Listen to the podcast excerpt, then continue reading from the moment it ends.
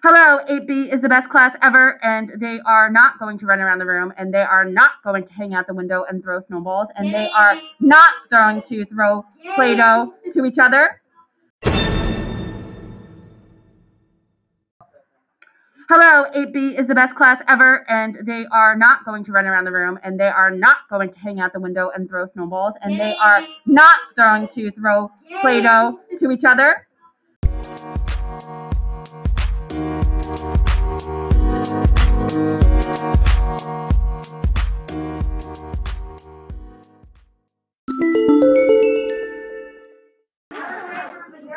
Hi, it's Mrs. Balvano. This is my test.